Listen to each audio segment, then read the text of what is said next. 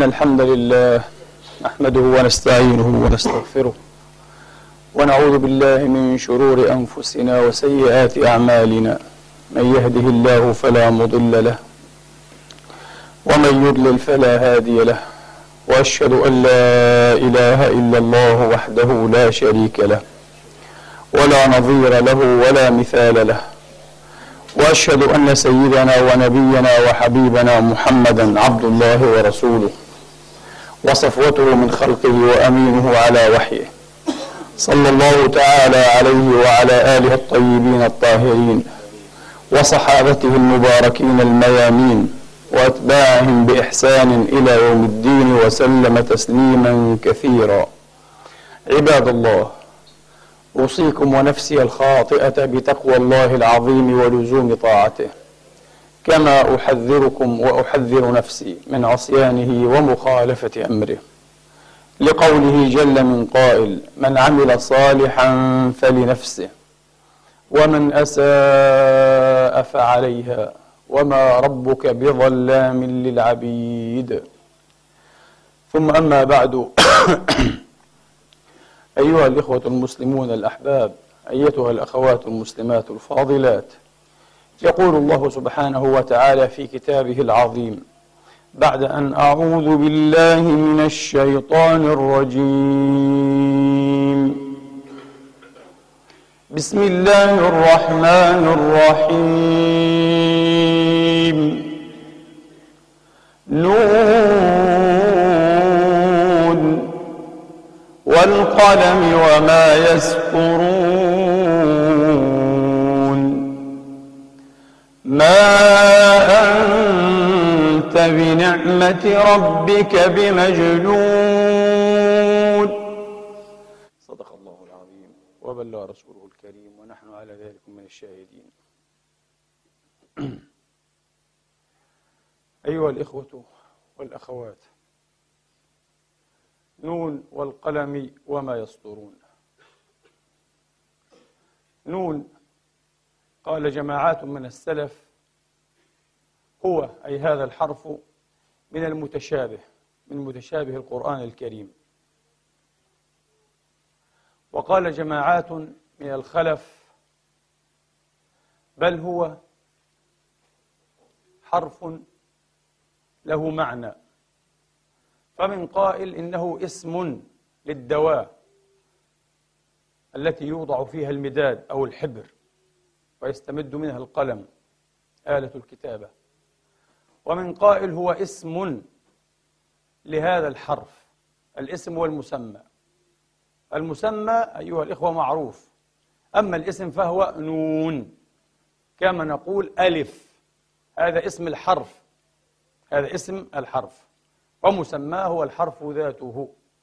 كما نقول باء هذا اسمه هجاؤه ونقول به. المسمى به مثلا. لكن الاسم باء فهذا اسم الحرف المشهور. وهناك تفسير الأرجح أنه لا يصح عن عبد الله بن عباس رضي الله تعالى عنهما وهو ما أخرجه الإمام الضياء المقدسي في الأحاديث المختارة والإمام الحاكم في المستدرك على الصحيحين وصححه أن نون هو اسم للحوت الذي أرسل الله تبارك وتعالى عليه الأرض. والمسمى به يهموت. اسم هذا الحوت يهموت. وله اسم آخر نون. وهذا كلام لا معنى له. حديث خرافة. حديث خرافة. الآن يقطع البشر كلهم أن الأرض ليست مستقرة على متن حوت. مع أن الحاكم صحح هذا الأثر. صحح هذا الأثر وما ينبغي له. لكن في المقابل روي عن عبد الله بن عباس رضي الله تعالى عنهما وعن الحسن أي البصري وقتادة والضحاك أنهم قالوا نون اسم للدواء هي الدواء أيها الإخوة التي يوضع فيها الحبر والمداد. وأنكر ذلك الإمام الزمخشري رحمه الله تعالى قال لا يعرف هذا لا لغة ولا في الاستعمال المعروف. وكلامه راجح وكلامه راجح رحمة الله على الجميع. فيبدو أن الأرجح أن نون هو اسم للحرف. هجاء هذا الحرف أيها الإخوة. نون كما نقول ألف باء تاء إلى آخره. نون. ثم أقسم سبحانه وتعالى فقال هذه الواو واو القسم. نون والقلم. أقسم بالقلم. والقلم. ما المراد بالقلم؟ قيل هو قلم القدرة. الذي خط به ما هو كائن إلى يوم القيامة في اللوح المحفوظ. وهذا ليس ظاهرا. لماذا؟ لأن هذه السورة مكية. وخوطب بها جماعة قليلة من المؤمنين والمقصود بالخطاب بها أصالة المشركون كما قال العلامة المفسر الشيخ الإمام ابن عاشور. قال المقصود بالخطاب المشركون. وهم لا يعلمون شيئا عن هذا القلم عن قلم القدرة واللوح المحفوظ. هم عراء أيها الإخوة وخلو من هذه المعلومة العقدية الملية وإنما القلم الذي يعرفونه إذا ذكر القلم هو آلة الكتابة هو آلة الكتابة. فالأرجح أن الله يقسم بآلة الكتابة. هناك الحرف نون والقلم وعطف عليه قسما آخر طبعا لأن الواو هنا للعطف والتشريك. وما يسطرون وما هنا قد تكون موصولة. بمعنى والذي يسطرونه أي ومسطورهم. أقسم بالقلم ومسطورهم. ما يسطرونه أو يسطرونه بالقلم. وقد تكون مصدرية. وقد تكون مصدرية فيصير المعنى أقسم بالقلم وسطرهم. الكتابة تسطيرا. وسطرهم. آه. أقسم بالقلم وسطرهم. ينسبك منها وما بعدها مصدر ينسبك منها ومما بعدها مصدر. وهذا هو الأرجح. على أن ضمير يسطرون غير مذكور وهو معلوم للسامعين. وهو معلوم للسامعين. فبقيت الآيات أيها الإخوة على إطلاقها. الله تبارك وتعالى افتتح السورة الجليلة باسم هذا الحرف. ثم أقسم بالقلم وأقسم بما يسطر. وأقسم بما يسطر. ومن المعلوم أيها الإخوة أن الرب الجليل سبحانه وتعالى لا يقسم إلا بما له حظ من شرف ومثابة عنده. لا يقسم إلا بما له حظ من شرف ومثابة عنده سبحانه وتعالى كدليل أو كأثر من آثار صفاته سبحانه وتعالى. هذه هي الأشياء التي يقسم بها الله. وتفسير الآيات على النحو الذي ذكرنا أيها الإخوة قريب لقوله سبحانه وتعالى الرحمن علم القرآن خلق الإنسان علمه البيان. وأدنى منه قوله تبارك وتعالى اقرأ وربك الأكرم الذي علم بالقلم. علم الإنسان ما لم يعلم. فليس القلم هو قلم القدرة الذي خط به ما هو كائن في اللوح المحفوظ. إنه القلم المعروف لنا. إنه القلم المعروف لنا. غريب على أمة أمية لم تتعاطى صناعة القلم ولا مهنة الكتابة. حين بعث الرسول عليه الصلاة وأفضل السلام على ما ذكر العلامة الإمام البلاذري لم يكن في مكة أيها الإخوة أزيد من بضعة عشر رجلا يعلمون إيه؟ صنعة الكتابة. شيء قليل جدا أقل من عشرين رجلا أقل من عشرين نفسا. والبقية أمية. نحن أمة أمية. نحن أمة أمية. عجيب. على هذه الأمة والتي كانت ترى عارا أيها الإخوة. العرب في الجاهلية كانوا يرون من باب العار أن يتعاطى الإنسان الكتابة والقلم. عار. هذا لا يليق بالفارس. لا يليق بالفتى. لا يليق بالرجل الكامل. وذكرنا في خطب سابقة أشعارا أكدنا بها. للأسف هذا الفهم المقبوح وهذا المعنى على أنها ثقافتهم. هكذا كانت ثقافة العرب في الجاهلية وفي صدر الإسلام. فأن يأتي كتاب منزل وحي موحى به من عند الله تبارك وتعالى أيها الإخوة يقسم بالقلم ويقسم بالكتب والمسطرات شيء عجيب جدا مدهش. ليس مدهشا أيها الإخوة من الرسالة الخاتمة من الدين الآخر من الدين الآخر الذي جاء لاستنقاذ البشرية من عماها من غيها وضلالها. جاء لكي يضعها على سكة الحضارة والمدنية والرقي الحقيقي ونجح. نجح هذا الإسلام نجاحا عظيما بفضل الله تبارك وتعالى. التراث الإسلامي أيها الإخوة الذي أنجزته هذه الأمة المرحومة في قرونها الأولى من حيث الحجم من حيث الكم لا يضارعه أي تراث معاصر له أو سابق عليه. على الإطلاق. طبعا لا نقول لاحق. لأن التراث الآن أعظم بكثير أوسع من حيث الكم.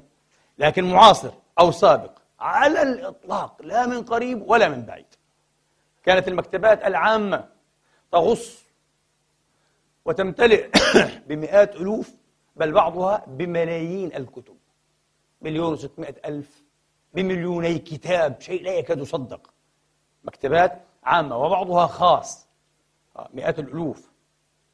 سيجريد هونكي تذكر في أكثر من مرجع لها في أكثر من كتاب أن أعظم دير في أوروبا أيها الإخوة الغربية كان يحتوي على أكبر مجموعة من الكتب وكانت مسلسلة بالسلاسل حتى لا تسرق أو تهرب. وهذه الكتب أيها الإخوة أيضا لم تبلغ عدتها عشرين كتابا ومسلسلة. هذا كل ما لديهم ونحن لدينا ملايين الكتب. لماذا؟ لأننا أمة اقرأ. أول كلمة في آخر رسالة اقرأ.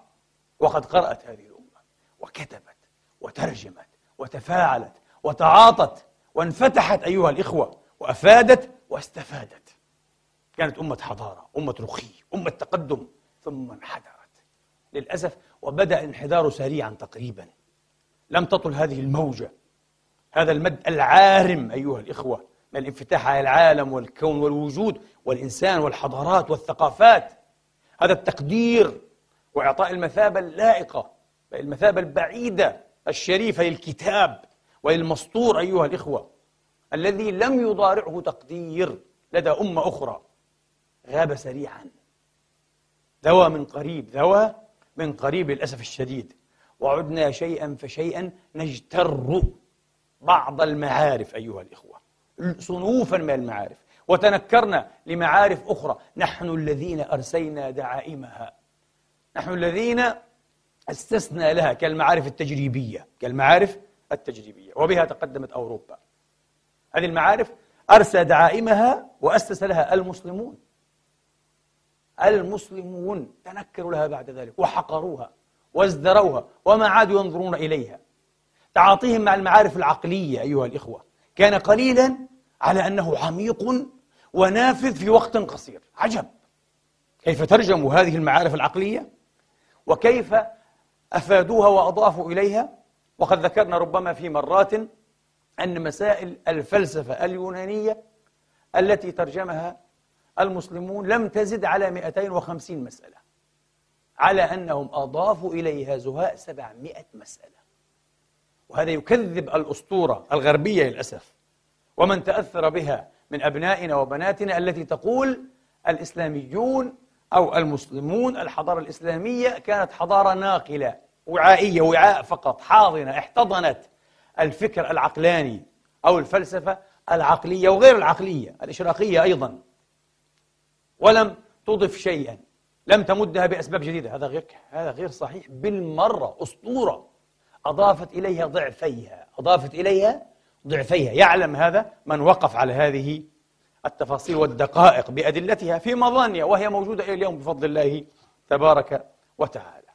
على أن الأمة كما قلت لكم للأسف صار أمرها إلى تراجع وإلى ضعف وإلى انكماش وجمود وانسحاب. المؤسف والمحزن أننا الآن في القرن الحادي والعشرين وتقريبا ما زلنا نجتر هذه المقولات وهذه الأفكار وهذه الرؤى التي تخدم الجمود وتخدم الجهل والتقوقع. ووهم أيها الإخوة أننا لا نحتاج إلى غيرنا.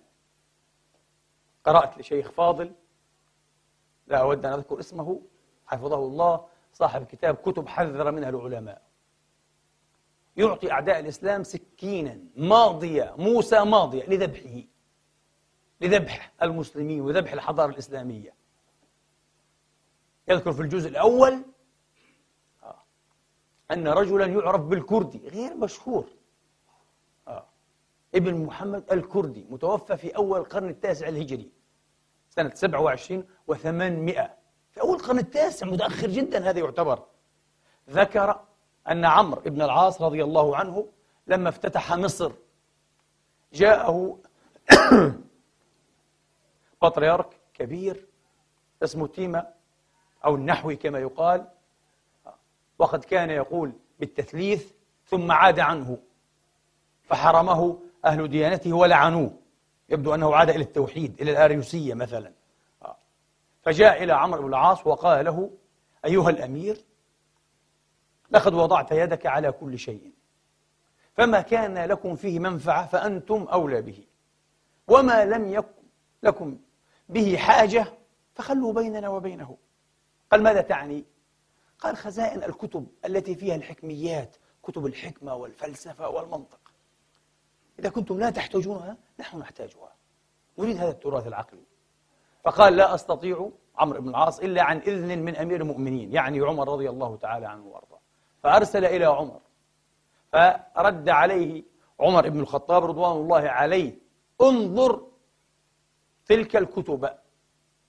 فإن وجدت فيها فإن وجدت أن ما فيها يوافق ما في القرآن الكريم فما في القرآن أو ففي القرآن غنية عنها. إذا يوافق فالقرآن موجود. لا نحتاجها. وهذا مسلك غير صحيح بالمرة. القرآن ليس كتابا في الفلسفة ولا في المنطق ولا في الطب ولا في النجوم ولا في غيرها وإن وافق بعض العلوم التجريبية أو حتى العقلية والحكمية أيها الإخوة في الجمليات وفي بعض المقررات فأين التفاصيل؟ أين البراهين؟ أين الأدلة؟ القرآن ليس كتابا في المنطق والفلسفة والطب مستحيل محال أن سيدنا عمر يقول هذا ويأمر بهذا طبعا هذه معروفة أسطورة كاذبة جدا وعلماؤنا أنفقوا مئات الساعات أيها الإخوة وسودوا مئات الصحائف. الصفحات كما نقول لكي يبرهنوا على كذبها وخطئها. واتهموا أعداء الإسلام والزنادقة. أول مرة وردت هذه الأسطورة عند ابن العبري في تاريخه. بلا سند بلا دليل مئات السنين لم تذكر. لم يذكرها إيه؟ خليفة ولا الطبري ولا غيرهما. من أين أتيت بها يا ابن العبري؟ ثم يأتي هذا الكردي في القرن التاسع ليؤكد هذه الأسطورة. سوف ترون كم هي أسطورة مقيتة. وصمة عار في جبين الإسلام إن صحت ولا تصح مطلقا. لكن جاء هذا الشيخ الفاضل عفى الله عنا وعن ليعيدها جذعة. آه. ويستملحها يستملحها. لقد ترجم لهذه الأسطورة على أنها يعني إيه؟ من الأشياء المريحة الجيدة. آه. شيء يعني يلذ لنا سماعه. شوف الحكمة الفاروقية أعوذ بالله يا رجل. أنت هنا تشين الفاروق. وتصم تاريخ الإسلام والمسلمين لا يجوز. المستشرقون أيها الإخوة دائما يطنطنون بهذه الأسطورة المعروفة بأسطورة حريق المسلمين لمكتبة الإسكندرية. لأن هذا التومة كان إيه؟ إسكندرانيا. آه. فكتب إليه عمر ففي القرآن غنية فتقدم إليها فأعدمها. أعدم كل تلك الكتب. إذا وافقت أعدمها إذا خالفت من باب أولى إيش؟ أن تعدمها. على الحالين لابد أن تعدم. فأمر عمرو بن العاص فسجرت بها تنانير الحمامات في الإسكندرية ستة أشهر.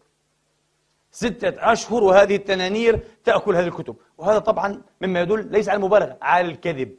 ما في كتب خاصة في الإسكندرية تأكلها النار ستة أشهر. يعني هذه عشرات الملايين معناها. نار الحمامات يوميا. غير صحيح. وكذوب كما قلت لكم ابن العبري هو إيه؟ آه. الذي تفكها وكذبها. يأتي هذا الشيخ لماذا؟ لأنه يؤلف كتابا يقوم على التزهيد والتنفير في تراث كثير.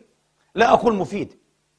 هناك كتب تنجيم وكتب سحر وكتب زندقة وكتب كفر وهناك كتب فلسفة وكتب منطق وكتب باطنية كتب وكتب مخالفة في أشياء معينة كتب مبتدعة مبتدعة أو مبتدعة.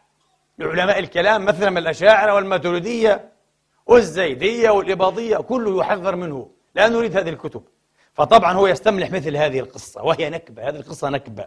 هذه القصة نكبة ومصيبة. كما قلت لكم يعطيهم موسى أه؟ موسى يعني سكينا ليذبحون به. أه؟ عن رضا وسماح عن رضا وسماح خذوا هذا. أنا أؤكد لكم هذا. كيف تؤكده؟ كيف تؤكد الأسطورة يا شيخ؟ عفى الله عنا وعنك. طبعا وصلنا. هذا في القرن العشرين والحادي والعشرين. وإلى اليوم في الحقيقة أيها الإخوة يشكو بعض المسلمين في بعض البلاد من هذا التضييق غير المفهوم على الكتاب. كتب يحظر عليها أن تدخل البلد أصلا. طيب كتب سياسية فهمنا. كل السلطات تفعل هذا. لا توجد سلطة تقريبا أيها الإخوة توافق على أن ينشر إيه؟ أشياء ضدها وتحرض عليها. أو تذكر بوائقها ومصائبها وأسرارها قد يفهم هذا قد نتفهمه قليلا لكن كتب فكرية فلسفية علمية للمخالفين لماذا تحضر؟ وكيف تحضر؟ وبأسلوب فج في معارض الكتب أيها الإخوة التي ينتظرها الشباب المتطلع الشباب الطماح الواعي اليقظ ينتظرها من العام إلى العام يأتي جماعات من هؤلاء هكذا حدثني أحد الأخوة الثقات وهو متعلم ومثقف أيها الإخوة. قال يأتون وهم تقريبا أشباه أميين. بالذات لا علاقة لهم بكتب الفلسفة والعلم والفكر لا علاقة لهم لا من قريب ولا من بعيد. فأي كتاب ليس من الكتب التي تأنس بها يعرف أسماءها ومؤلفيها يأخذه قال يقلبه في ثواني أو في دقائق. يقول فيه مخالفات. أي تصادر مجموعة الكتب. مئات وهكذا.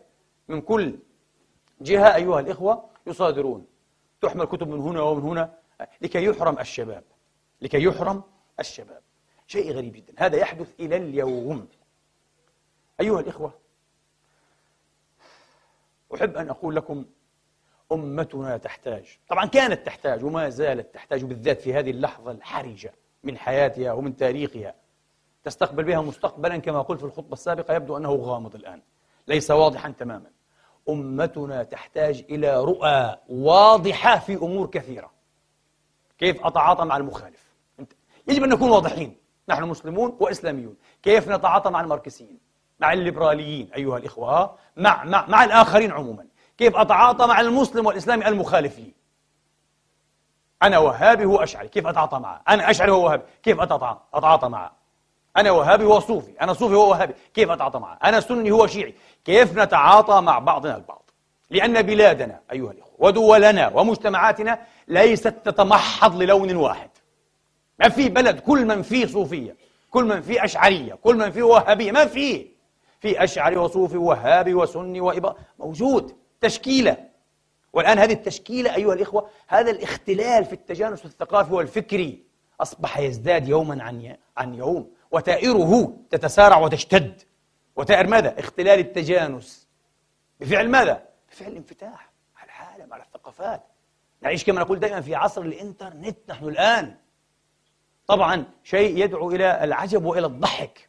أن تمنع الكتب وتحاصر الكتب وتعدم الكتب وتفتي فتاوى ضد الكتب وتلاحقها في عصر النت. ما من كتاب إلا متاح في النت.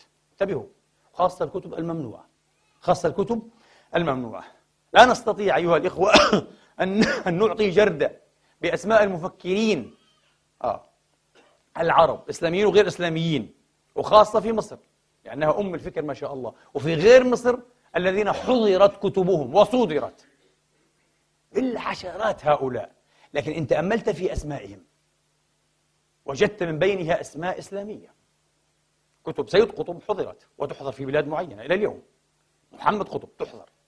محمد الغزالي حضرت وتحضر له كتب. أيام ناصر حضر له إيه؟ كتاب أيها الإخوة مشهور جدا قذائف الحق. عجيب لأسباب واهية وهو من أجمل ما كتب ومن أحسن ما كتب. جمال البنا الآن أخو الإمام الشيخ حسن البنا تحضر له كتب. بغض النظر اختلف معه توافقه حجمه الفكري بغض النظر. نحن نتحدث عن مبدأ الحظر نفسه مبدأ المصادرة مبدأ مطاردة الكتب آه. الذي يشكل امتدادا لحرق الكتب وإعدامها. تعامل كأنها كائنات حية بشرية. فيلسوف والشاعر والأديب والعالم جوته صاحب فاوست أيها الإخوة مرة في فرانكفورت استمع إلى حكم يتلى بإعدام كتب معينة. حكم بالإعدام على كتب ثم أعدمت حرقا كما حرق جوردانو برونو وأمثال هؤلاء. فاستغرب. وكتب يقول الشاعر الفيلسوف إنه لأمر مريع وفظيع. بحد ذاته أن تحرق كتب كما يحرق الأحياء.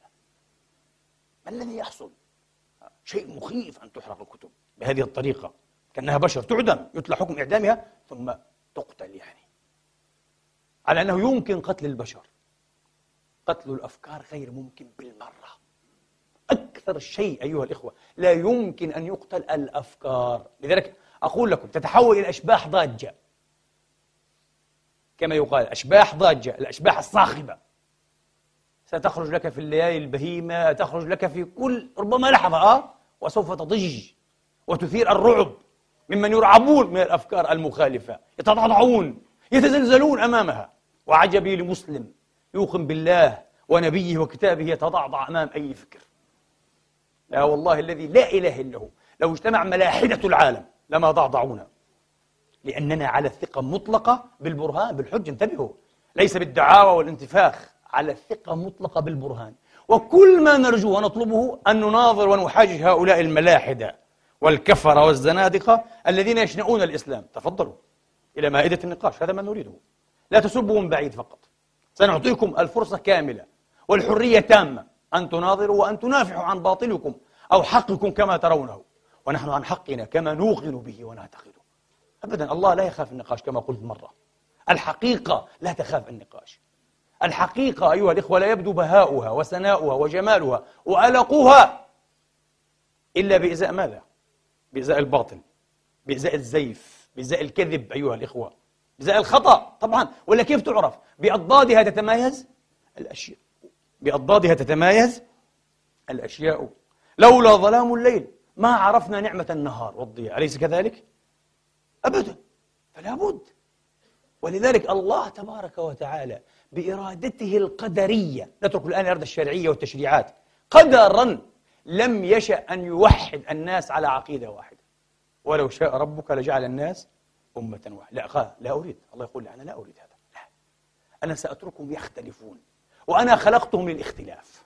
ولذلك خلقهم. أنا خلقتهم للاختلاف. لن يظهر جمال الحق أيها الإخوة. كما قلت لكم. إلا بإزاء قبح الباطل إلا بإزاء قبح الباطل. لن تتجلى قوة الحق إلا بإزاء هشاشة الخطأ والباطل. هو هذا. لماذا نخاف؟ المصادرة تعطي انطباعا أيها الإخوة. المسارعة للتكفير الأمر بالقتل وقطع الرؤوس أو السجن لعشرين سنة ماذا يعطي؟ أنا أقول لكم إذا كان حزين ومكتئب يعطي أيها الإخوة والأخوات انطباعا للمسلمين ولغير المسلمين الشامتين والموضوعيين المراقبين المحايدين. أن دين هؤلاء القوم ضعيف جدا. يبدو أن قواعده العقدية والتشريعية من الضعف والقلق والهزال بمكان بحيث يستطيع شاب بسيط غير مثقف ثقافة عميقة ولا عالية عمره لم يسمح له أصلا. مثل حمزة كشغري هذا أن يضعضعها بل أن يدمرها. وأن يجعلها هباء تذروه الرياح. محال. هذا وهم. كما قلت لكم لو اجتمع ملاحدة الأرض لما استطاعوا ذلك. وهذا الإسلام يعيش ويمخر العباب. من خمسة عشر قرنا أيها الإخوة. أبدا. والحمد لله يكتسب أنصارا جددا من غير المسلمين. في حال ضعف أمته وترجع حضارته بقوته الذاتية. الإسلام والقرآن بقوته الذاتية. يكتسب أنصارا يا إخواني. فكيف لو أحسن أتباعه أتباع هذا الدين أن يدافعوا عنه؟ كيف لو خاطبوا العالم بلغة العالم؟ وخاطبوا العصر بلغة العصر ها؟ إلا بلسان قومه ليبين لهم. والمقصود باللسان ما هو أعم أيها الإخوة من لسان إيه؟ الحرف والجمل. لسان الفكر أيضا والروح والمزاجية روحية العصر. هذا هو النبي. لذلك كانت معاجز الأنبياء من جنس السائد في عصرهم. لماذا كانت معجزة موسى عليه السلام هي العصا واليد البيضاء المتشعشعة لأن العملة الرائجة كما يقال السحر والطب. السحر والطب هذا. أيام عيسى عليه السلام نفس الشيء. العملة الرائجة الطب. أكثر إيه حتى من السحر. تنقلنا إلى عصر أقرب إلى العلم. ونظرنا إلى معاجز عيسى. رسول الله بعث في قوم ما هي معاجزهم؟ البيان واللسان والفصاحة أيها الإخوة. معجزته بدرجة أولى أتت معجزة ماذا؟ بيانية. حتما لو بعث الخاتم عليه الصلاة وأفضل السلام في أمة أخرى معجزتها نفترض إيه عقلية أو ليس معجزتها العملة الرائجة فيها. آه. الفكر والفلسفة والمنطق. لأوتي معجزة ماذا؟ فكرية منطقية. هذه من العرضيات. هذه من عرضيات الأديان. لما كانت المعجزة على هذا النحو من العرضيات ليس من الذاتيات على أن لها معنى في ذاتها. لكنها من العرضي لكنها من لكي نتعلم ونعي الدرس. نتعلم ونعي الدرس. لكن للأسف هذا الموقف في التصايح أيها الإخوة والبكاء والعويل والنحيب والحشرجة وتوالي الدعوات بالقتل والإعدام وقطع الرأس. هذه تعطي انطباعا بأن بأن ديننا ضعيف وتعطي انطباعا أقوى من بأن هؤلاء الذين يبكون ويتصايحون ويجلبون ويرعدون ويبرقون ويزبدون. ثقتهم معدومة تقريبا في أن يصدوا عن دينهم وأن يحاوروا هذا الباطل. لديهم أسلوب واحد وحيد الاستتابة وإلا القتل. وأحيانا الاستتابة لا تنفع. تقتل وإن تبت. عجيب يا أخي. عجيب. إخواني حب وأخواتي حب أن أقول لكم ولكم. إذا التجانس الفكري اختل كما تعلمون. أنتم تلمسون هذا الاختلال. تلمسون. الآن يخرج لنا شباب وشابات وربما علماء دين أيضا ومفكرون كبار وصغار يكتبون أشياء ويصرحون بأشياء من المحال من سابع المستحيلات كما يقال. أن أحدا قبل خمسين سنة كان يجرؤ أن يصرح بمثلها. مستحيل كان. وإن فعل فهم أنفار على أصابع اليد. يصرحون ببعض هذه الأشياء اليوم. اليوم هذه الأشياء صار يصرح بها بالمئات هنا وهنا وهنا وهنا بالمئات. تقريبا توشك أن تفارق وتزايل شذوذيتها. توشك أن تصبح مألوفة عادية وليست شاذة. لماذا؟ اختل التجانس. اختل التجانس الفكري. من السهل جدا أن تضبط وأن تقود جماعة من الناس بل شعبا أيها الإخوة متجانسا فكريا. طبعا. تعرف أين مفاتيحه؟ أه؟ وكيف يقال؟ بما تخاطبه. على أي وتر تضرب كما يقال أو تلعب؟ لكن حين يختل التجانس ماذا تفعل؟ مئات الأفكار مئات الطروحات عشرات النظريات التوجهات المذهبيات. شيء غريب كذا من الصعب جدا أن تضبط هؤلاء. فتريد أمرا يسع الجميع. تعرفون ما هو؟ التسامح والحرية ومنطق الحوار. انتهى خلاص. وأنا أقول لكم الحقيقة لا يمكن أن تفشل أو تتراجع بإذن الله أو تخذل في حوار حر وصريح. وشفاف واضح وقوي. ممن هم له أهل بإذن الله. بالعكس تكتسب أمدادا زائدة وتكتسب أنصارا جددا بإذن الله تعالى. لذلك القرآن العظيم كتاب حوار بدرجة أولى. القرآن خلد أفكار وعقائد المشركين وأهل الكتاب. تقريبا ما من دين عرف أو سمع به في جزيرة العرب إلا تعاطى معه القرآن. على قد ماذا؟ شيوعه. تحدث عن المشركين وعن الكفار عموما وعن الدهريين أيها الإخوة. وتحدث أيضا عن أهل الكتاب عن اليهود والنصارى. تحدث عن الصابئة تحدث عن المجوس. غريب. هذا اجتماع ديني. تحدث عن كل هؤلاء وتعاطى معهم على قدر شيوعهم أيها الإخوة. تعاطى معهم إيه؟ أعمق وأبعد القرآن العظيم. كان يمكن القرآن وهو كلام الله المعصوم لا إله إلا هو أن يتغاضى عن هؤلاء كأنهم غير موجودين. والله يعلم. أن دينه سينتصر. ماذا سيحدث بعد ذلك؟ لن تبقى لهؤلاء تقريبا مقالة. الجزيرة العربية سيسودها الإسلام تماما من عند آخرها. سيفنى هؤلاء يذوبون ويبقى الإسلام وحده. وتعدم تلك المقالات لكن القرآن الله يعني تبارك وتعالى لم يرتضي هذه الخطة. لماذا؟ لأن الخطة أصلا ليست خطة صحيحة في نصرة الحق. الحق لا ينتصر إلا بمنازلة الباطل. شرف. شرف الخصوم الفكرية انتبهوا. شرف. الآن لنفترض أن هناك مبارزة بين فارسين. من فروس العصور الوسطى. من فرسان عفوا العصور إيه؟ الوسطى مثلا.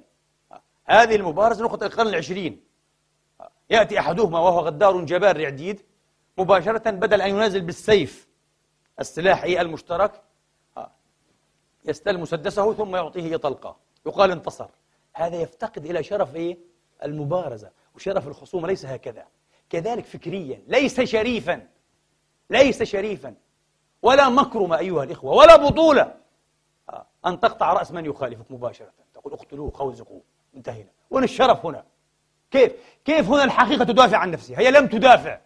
هي تغتال أعدائها بأسلوب خسيس أنا أقول لكم. أسلوب خسيس.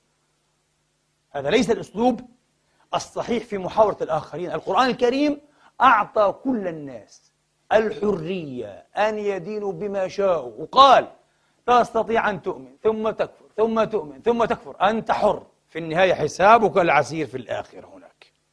في الدنيا ما لم تستل سيفك. ما لم تقوض أسس الأمن الاجتماعي. أنت حر.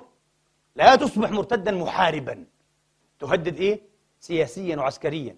لكن أنت صاحب أفكار صاحب شبهات. تشغيبة أنت حر. إن الذين آمنوا ثم كفروا ثم آمنوا ثم كفروا. إذا في توبة ولا فيش توبة؟ وفي حرية ولا فيش حرية؟ ما يؤمن وكفر وآمن وكفر. عادي مسموح مسموح أبدا هذا هو الدين. لا يستطيع عاقل إخواني وأخواتي أن يرى جزءا جزءا من المعنى شيء له معنى. في إنسان يرغم على أن يعتقد بما إيه لا يؤمن به. وين المعنى هنا؟ هذه حالة عدمية. هذه حالة نفاق والعياذ بالله. إيش هالشريعة؟ وإيش هالدين الذي يرغم الناس على أن يكونوا منافقين؟ تخيلوا الآن أح أحدا من الناس ما عاد يعتقد بالله والعياذ بالله. عياذا بك اللهم. آه. ما عاد لسبب أو لآخر ضل الرجل ضلالا مبينا ألحد. لكن تحت تأثير الإرهاب الفكري والديني والسياسي لابد أن تعاود دينك وإلا تقتل تقطع رأسك. طبعا يعود إلى الدين بعضهم أكثرهم يعود إلى الدين. جميل الحمد لله. ماذا يحدث الآن؟ أيها الإخوة ويعود إلى الصلاة وإلى الحج وإلى الزكاة وهو في داخله غير مؤمن بكل هذه التكاليف. ما هذه الحالة؟ حالة كذب وزيف. المجتمع أيها الإخوة يصبح ملآن بهؤلاء الكذابين المنافقين الحاقدين على المجتمع وعلى إيه؟ وعلى سلطته السياسية والدينية والمعرفية. لا يجوز. لا نستطيع أن نتلمس معنى هنا أبدا. والعكس صحيح. العكس صحيح. انظروا الآن إلى جمال المتدين المسلم من أمثالكم بفضل الله هنا في أوروبا. أنا أرى فيه جمالا خارقا. لماذا؟ الفرص هنا متاحة لكل أنواع ماذا؟ الفجور والعصيان. وتجد المسلم يلتزم العفة ويلتزم الشرف والصلاة وكذا. شيء لطيف جدا جدا جدا. ليس كذاك الذي يحافظ على الصلوات. فإذا وجد نهزة أو فرصة ارتكب المحرمات. لا أحب أن أذكر أشياء حقيقية تحصل دائما للأسف من الزوار الذين يأتون هنا إلى أوروبا وهي فعلا مقززة يشمئز منها الإنسان. يفرغ من صلاته ثم يطلب المتعة المحرمة. أنت صليت لمن يا أخي؟ ما هذه الصلاة؟ هل تظن أن الله يريد هذه الصلاة؟ هذه الصلاة فعلا لم تزدك من ربك إلا بعدا. ونعود إلى موضوعنا الرئيس أيها الإخوة. إذا هذا ما تعطيه مصادرة الكتب. مصادرة الآراء إعدام الكتب إعدام الآراء ومن يراها؟ أن ثقتنا بديننا ضعيفة أن ثقتنا بقدرتنا ولياقتنا وأهليتنا للدفاع عن ديننا أضعف من ضعيفة وأن هذا الذي صودر إن كان شخصا أو كتابا أو رأيا هو من القوة والصلابة بمكان بمكان بحيث لا نستطيع أن نتصدى له. هل هذا صحيح؟ للأسف نحن نفعل هذا. نحن نعطي الناس هذا الانطباع. أن ديننا ضعيف أننا ضعفاء وأن هذه الشبهات خطيرة جدا جدا جدا. يمكن أن تضلل المجتمع يمكن أن تمسح إيمان الجيل يمكن. لا ليس هكذا. كان يمكنكم ولا زال بإذن الله تبارك وتعالى أن تضحكوا الناس على بعض هؤلاء الذين يهرفون بما لا يعرفون. والله العظيم. تدعو إلى مناظرة متلفزة حية. تجعل الجمهور يضحك عليه على رقاعته وسخافته وقلة عقله وضعف حجته بين انعدام الحجة أحيانا. ينتهي كل شيء. لكن تريد ماذا؟ تريد المتمكن المستأهل يعني المؤهل أن يخوض مثل هذا إيه؟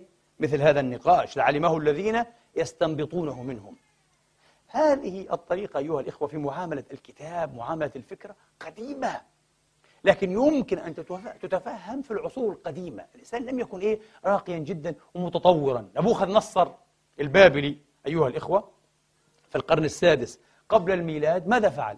أحرق تواريخ من سبقه. اعتبر أن التاريخ يبدأ من لدن. شو الغريب؟ كبوش الصغير أه؟ وحتى بوش الأب على فكرة بوش الأب نفس الشيء.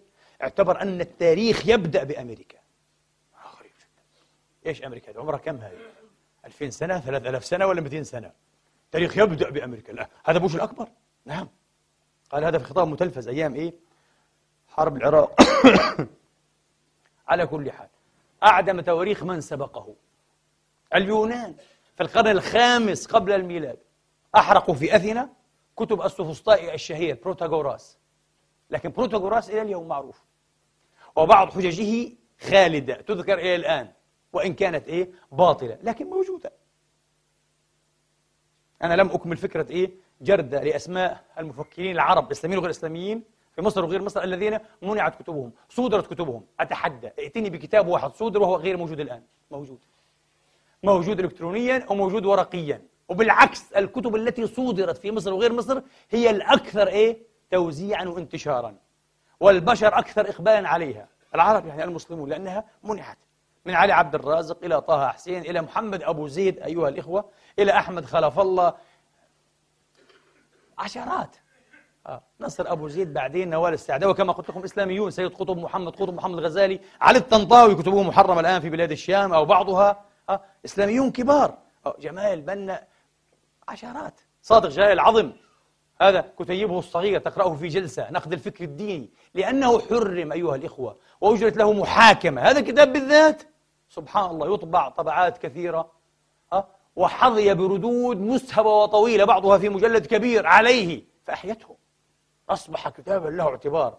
لو تركته يطبع طبعة عادية ولم تحرمه لما قرأه إلا عشر معيشير من قرأوه أيها الإخوة. وربما لم يتصدى لرد عليه إلا إيه قلة وذهب.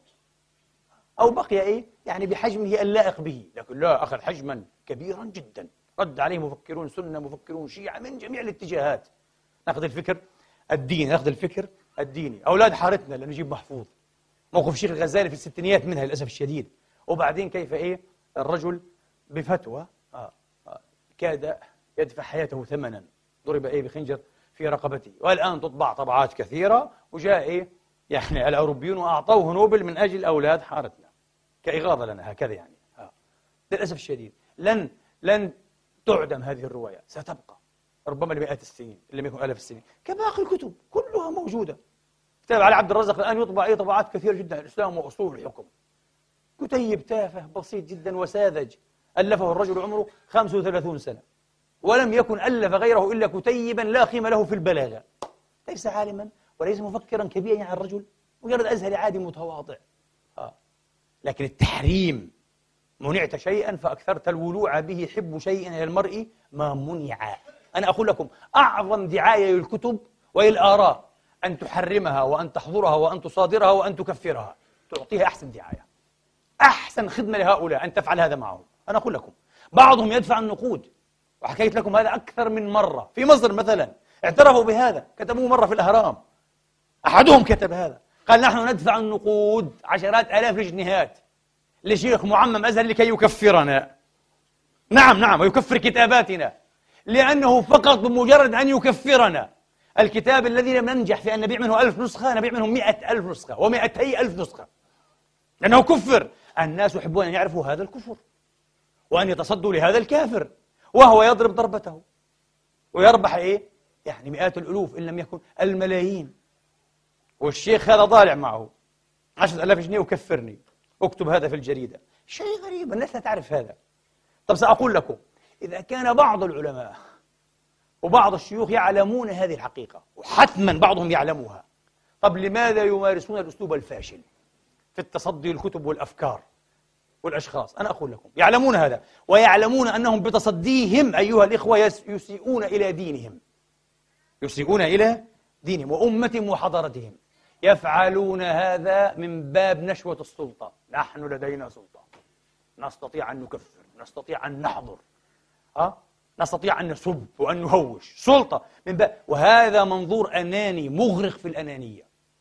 تحب أن تنتشي أيها الشيخ أه؟ فقط باستخدام سلطتك ولا يعنيك بعد ذلك مصير الأمة ومصير كتابها ومصير دينها. أنت رجل أناني. يحب أحيانا أحقاد شخصية. موقف من المؤلف موقف من صاحب الرأي من كاتب المقالة. حقد شخصي. يريد أن ينفس عنه بفتوى شرعية. لا يجوز يا أخي. والإسلام هو الضحية. والأمة هي الضحية. أين الإخلاص؟ أين الإخلاص؟ فهذه مسيرة قديمة فاشلة. ظلت تفشل وتؤكد فشلها إلى اليوم. اليوم بالذات في هذه اللحظة التاريخية هي مرشحة لأعظم نصيب من الفشل. مصادرة الآخر ورأي الآخر. لا ينجح أبدا في عصر النت لا ينجح أبدا. يأتي بمفعول معاكس كما قلت لكم. فأحرقوا إيه؟ كتب بروتاغوراس. ما نفعش. 167 قبل الميلاد أحرقت مكتبة القدس أثناء ثورة المكابيين المعروفة. آه. أيضا لم تنجح. آه. ولم يذهب فكر اليهود وتراث اليهود. بحرق مكتبة القدس بحرق مكتبة القدس. في القرن الخامس أيضا قبل الميلاد تشي هوانغ تي الإمبراطور الصيني الشهير جدا أمر بحرق كل الكتب في إمبراطوريته. كل الكتب. لماذا؟ ليس كتب المخالفين أو الزنادقة أو الدخلاء كل الكتب. شيء اسمه كتاب لابد أن يحرق. أمر إمبراطوري من تشي هوانغ تي. تعرفون لماذا؟ لأن الدكتاتوريين الطواغيت الطغاة عبر العصور يعلمون أن أخطر سلاح يواجهون به هو سلاح الكلمة. سلاح المكتوب نون والقلم وما يسطرون أيها الإخوة. سلاح الفكر لأن الفكر لا يفك أغلاله إلا المعرفة. المعرفة تأتي عن طريق ماذا؟ القراءة حتى المشافهة. أساسه في نهاية المطاف ما تقرأ ما يقرأ أهم شيء القراءة. لولا ما يقرأ ولولا ما يكتب لذهب أكثر من تسعة أعشار المعرفة الإنسانية. لذلك أقسم الله بهذا المسطور. تأملوا أنتم في الآيات. آيات سورة نون. قلم.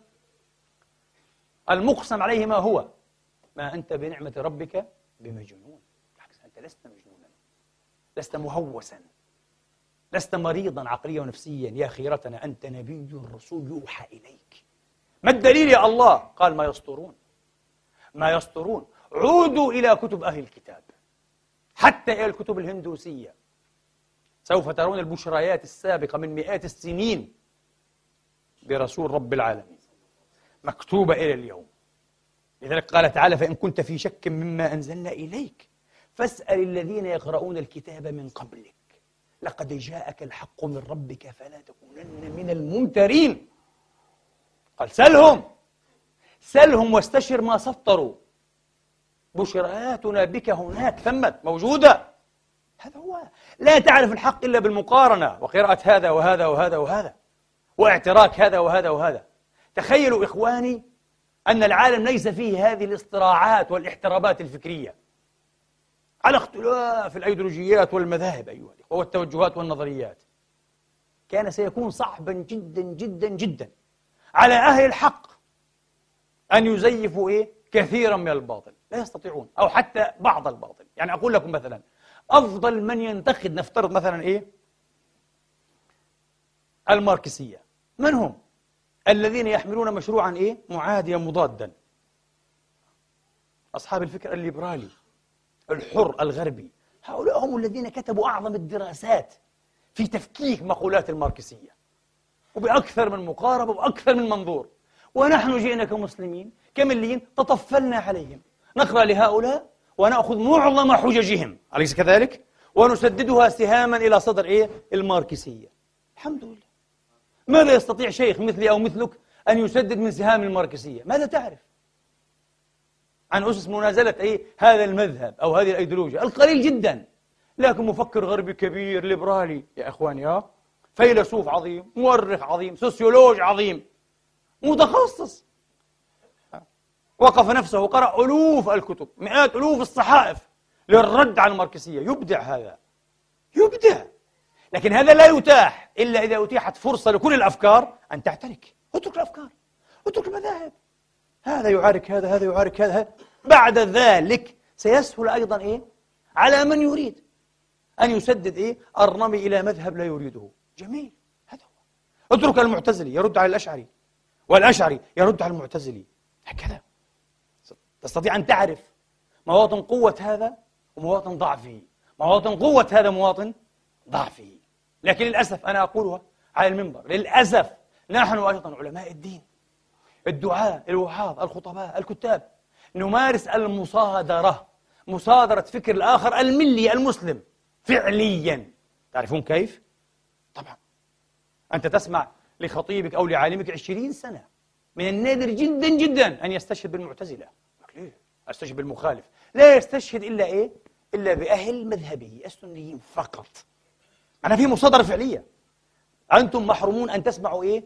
وجهات نظر المسلم الآخر كيف يا أخي مسلم آخر؟ هذا مبتدع من أهل الأهواء والبدع والفتاوى حاضرة وجاهزة بحرمة التعاطي مع كتبهم أو قراءتها أو بيعها أو نسخها أو حتى الاستئجار عليها. الاستئجار محرم مش الشراء والبيع. الاستئجار كما يروى عن الإمام مالك رضوان الله عليه محرم الاستئجار عليها. ذكره ابن عبد البر في جامع بيان العلم وفضله. الاستئجار عليها محرم. ما هذه الانغلاقية انغلاقية ما عادت تصلح في عصرنا. ما عادت تصلح في عصرنا نأتي بعد ذلك أيها الإخوة إلى عصورنا نحن الإسلامية. للأسف العصر الإسلامي والحضارة الإسلامية أيضا لم تخلو من وصمة التصدي للكتاب وإعدامه وإحراقه وتغريقه وتبييضه ومحوه. للأسف حالات كثيرة ليست قليلة كثيرة. وذهب ضحيتها ألوف بل ملايين الكتب ملايين الكتب. نحن فعلنا هذا. طبعا كل ما اعتدنا أن نسمعه وهو صحيح مئة في المئة صحيح بالمرة. أيها الإخوة أن المغول فعلوا هذا. صحيح. هولاكو حين جاء للأسف واجتاح بغداد قتل أربعة وعشرين ألف من العلماء. مش من العامة العامة 2 مليون تقريبا. أقل ما قيل قتل مليون وأكثر ما قيل 2 مليون. قتل اثنين اثنين من الملايين من البشر. لكن بالنسبة للكتب والعلماء العلماء قتل أربعة وعشرين ألف عالم لعنة الله على الظالمين. لا يريد يريد أمة تبقى أمية كالغنم لكي يمكن حكمها ويعلم. كما قلت لكم هذا مثل إيه؟ آه؟ آه الإمبراطور الصيني. كان يعلم أن الكتاب يحرر الإنسان. يعلم هذا. يعني ما علمه هابرماس أيها الإخوة في القرن العشرين كان الإمبراطور الصيني جي هوانغ تي يعلمه أيضا. هابرماس يقول ماذا؟ يقول كل معرفة knowledge يعني مش science المعرفة المعرفة ال knowledge كل معرفة ال Kenntnis. المعرفة يمكن أن تكون على ثلاثة أضرب. تحدد بغاياتها. غاية الفهم غاية. الفهم وهذا ما يعطيها هويتها الآن. غاية الفهم غاية الضبط يقول هابرماس. غاية التحرير. كلام جميل. ويعلمه الصيني. غاية الفهم أيها الإخوة هي المعرفة التأويلية. تقرأ نصوصا جاهزة وتؤولها. هل تعطيك ماذا؟ الفهم. الفهم يؤخذ بالتأويل. الفهم يؤخذ والتأويل لعبة كبيرة جدا جدا بين السلطات بين السلطات السياسية والسلطات العلمية. في 1967 في الأرجنتين حصل انقلاب وقع انقلاب. فكان من ضمن الذين قبض عليهم رجل دين شهير وهو الأب أورلاندو يوريو. أخذ الأب أورلاندو يوريو وحقق معه هؤلاء العساكر وقالوا له تهمتك الكبرى أنت جريمتك العظمى أنك وقفت مع حروف الكتاب المقدس. قال ماذا تعنون؟ قال أنت وقفت مع كلام السيد المسيح عليه السلام الذي يأمر بمعونة الفقراء ويذكر الفقراء ويشيد بمن يساعدهم. قال هل هذه جريمة؟ هو ساعد فعلا الفقراء الفقراء. قالوا لا هذا تفسير حرفي. هناك تأويل لعبة التأويل لعبة التأويل. الهرمنوطقية هذه. قالوا أبدا السيد المسيح حتما كان يريد فقراء الروح. فقراء الروح. ولا تعلم يا إيه؟ يا نيافة الأب من هم فقراء الروح هنا لدينا في الأرجنتين؟ فقراء الروح هم الأغنياء. من العساكر وغير العساكر عندهم أموال كثيرة بس هم فقراء في الروح. فعليك من الآن وصاعدا أن تقف إلى جانب فقراء الروح أغنياء الأرجنتين. وبالإنجيل. عجيب. لعبة التأويل. هابرماس يفهم هذا تماما. هذه لعبة طبعا. هذا فصل فج. هذه صورة فجة أنا عرضتها لكم. مع الأب إيه؟ يوريو. لكن هناك فصول كهي عظيمة وشديدة الاستخفاء والحربائية. يمارس بها التأويل لتمرير مشاريع عجيبة. استعمارية وتسلطية وطاغوتية واستحمارية كما يعني يعبر عليه شريعتي. مصطلح الاستحمار أكرمكم الله وأجلكم جميعا. أنا قد أسميه مصطلح الاستخراف. خطبة السابقة كانت عن الخرافة في دعم الطغيان. آه. ألبرت أينشتاين كتب مرة يقول يمكن ضبط الناس والجماهير أيها الإخوة إذا كانت تشكل قطعان من إيه؟ من الأغنام. لكن قبل ضبطها لابد من تحويلها إلى أغنام أولا. انتبه. الاستغنام أنا أسميه الاستغنام. حولها غنم بعد ذلك أنت تضبطها كقطيع أغنام. يمكن أن نسمي ذلك الاستخراف. حولها إلى قطيع خرفان وتستطيع أن تتحكم في قطيع الخرفان باغتيال النقد والوعي وتأسيس ماذا؟ وتعزيز ماذا؟ الخرافة. فهو استخراف من جانبين. تحويلهم إلى خرفان بالخرافة فاسمه الاستخراف. هذا يلخص إيه؟ الخطبة السابقة يلخص الخطبة السابقة. نعود إلى هابرماس. قال الفهم ثم الضبط. الضبط قال هو مهمة ووظيفة وغاية العلوم التجريبية. التجربة تعطي غاية الضبط. هذا نحن لا علاقة لنا بها نوافق عليها. قال ثم التحرير. هذا أجمل شيء هبرماس يقول التحرير. معرفة تتغير وتتقصد التحرير. ما هي هذه المعرفة؟ ما هو هذا اللون من ألوان المعرفة؟ قال النقد. الكريتيك. النقد. أن تمارس النقد. النقد يحرر الشعوب. يحرر الجماعات. يحرر الفرد. يحررني يحرروك. يحرروك. النقد. فتشي هوانغتي كان يعلم هذا. ويعلم أن الكتاب هو السبب. 1660 تشارلز الثاني ابن تشارلز الأول في بريطانيا أصدر مرسوما ملكيا. بوجوب تعليم الأميين في المستعمرات البريطانية السود بالذات كانوا السود. لابد أن يتعلموا الكتابة والقراءة وأن يقرأوا تعليم يسوع بأنفسهم. يقرأوا البيبل لابد أن يقرأوه. طبعا الناس كرهوا هذا وأكثر من كرهه السياد هؤلاء العبيد في المستعمرات يقول أحدهم لأنهم كانوا يعلمون أن شعبا أسود متعلما يعني انتهاء الرق والاستعداد لماذا تفعل هذه الكارثة يا تشارلز الثاني؟ لماذا؟ كان يسمى إيه؟ الملك الكسول. تهمه المتع والراحة والدعة ولا يهمه التوسع الاستعماري الرجل. جاء رحمة على إيه؟ المستعبدين المستعمرين المضطهدين. بعده بمئة سنة بالضبط يكتب صامويل جونسون وهو أول مؤلف لقاموس إنجليزي. أول قاموس dictionary يعني إنجليزي ألفه إيه؟ صامويل جونسون. كتب يقول ومن فضائل تشارلز الثاني يسخر. آه. أنه أمر بكذا وكذا وكذا وكانت النتيجة أنه ضيع إمبراطورية عظيمة. خلصها قال شوف الأحمق هذا. لا ليس أحمق بالعكس هذا مسعى إنساني. البشر كلهم من حقهم ماذا أيها الإخوة أن يتعاطوا مع ماذا؟ مع القلم والورقة والحرف من حق الكل لكي يتحرروا لكي يستعيدوا بشريتهم إنسانيتهم بالأحرى آدميتهم. للأسف كما قلت لكم في السياق الإسلامي لم نخلو من هذا. هولاكو قتل أربعة وعشرين ألف عالم للأسف وبعد ذلك أحرق وغرق ملايين هكذا يقول العلماء ملايين الكتب والمخطوطات الإسلامية في مختلف شتى العلوم والمعارف. أيها الإخوة جزء كبير كان من نصيب دجلة يقول المؤرخون الإسلاميون حتى انعقد من هذه الكتب أو تلكم الكتب جسرا. كالجسر المعقود. فصار الفرسان وصار الناس يعبرون من الضفة إلى الضفة الأخرى على الكتب. وبقيت مياه دجلة أشهرا سوداء داكنة. الحبر الذي سال فيها.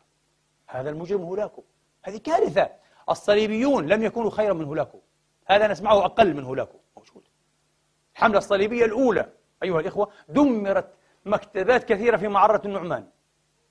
في طرابلس مكتبة طرابلس أعظم مكتبة كانت أو أعظم مكتبات فيها. يقول المؤرخون الكتب التي أحرقها الصليبيون في طرابلس وحدها ثلاثة ملايين كتاب. أرقام مذهلة مخيفة يا إخواني. جماعة عندهم 15 كتاب في الديور. إحنا عندنا ملايين. في طرابلس وحدها ملايين. يعني فعلا كيف كانت هذه الأمة؟ أنا دائما أقول علينا أن نستفيق من وهم أننا خلف وأننا امتداد لهذه الأمة الإسلامية. بأي معنى؟ بأي معنى؟ إحنا كل سنة نقرأ عن إحصائيات. دراسات أيها الأخوة وميدانية. ها؟ نسبة معدل قراءة الفرد العربي في السنة. إحدى السنوات ثلاث دقائق في السنة. العربي يقرأ في السنة معدل ثلاث دقائق. في سنة ربما قبل سنتين ست دقائق كارثة ست في السنة ست دقائق. وعلى فكرة هذا هو سر أن من العرب لا أقول عربي. آه، فأسب نفسي وأجد نفسي لا. لكن من العرب وهذا كثير خاصة في العامة والجهلة. من لا تجد في أمة أخرى انتفاجا وانتفاخا وكبرا وغطرسة كما تجد إيه؟ لديهم. والسبب الجهل والأم لأنه جاهل. جاهل. لا يعرف التواضع ولا قيمة الحجة والبرهان ولا قيمة المفكرين إلا العلماء يا أخواني. إلا الأذكياء الدارسون. لكن هؤلاء الحمقى. بيظن نفسه مستط... هو مؤهل ولائق أنه يناطح أكبر فيلسوف في العالم وهو مش عارف يكتب اسمه. يقرأ ست دقائق في السنة وعامل حاله مفكر. وهذا بيعجبني وهذا بيعجبنيش ووجهة نظري ورأيي. وطبعا الفرصة متاحة يعلق على الفضائيات ويكتب في النت ومصدق حاله الجاهل. مشكلة كبيرة. ليه؟ لأن لدينا موقفا من الكتاب موقفا من المكتوب موقفا مما يسطرون للأسف الشديد. فهذا ما فعله الصليبيون. وأيضا مكتبات غزة وعسقلان والقدس. معرة النعمان طرابلس غزة عسقلان القدس. دمرها الصليبيون. للأسف الشديد. ملايين الكتب. في حروب الاسترداد. ريكنكويستا في إسبانيا الإسلامية. أه؟ فرديناندو إيزابيلا. ماذا حصل؟ العامة. عامة هؤلاء اليسوعيين الكاثوليك أيها الإخوة.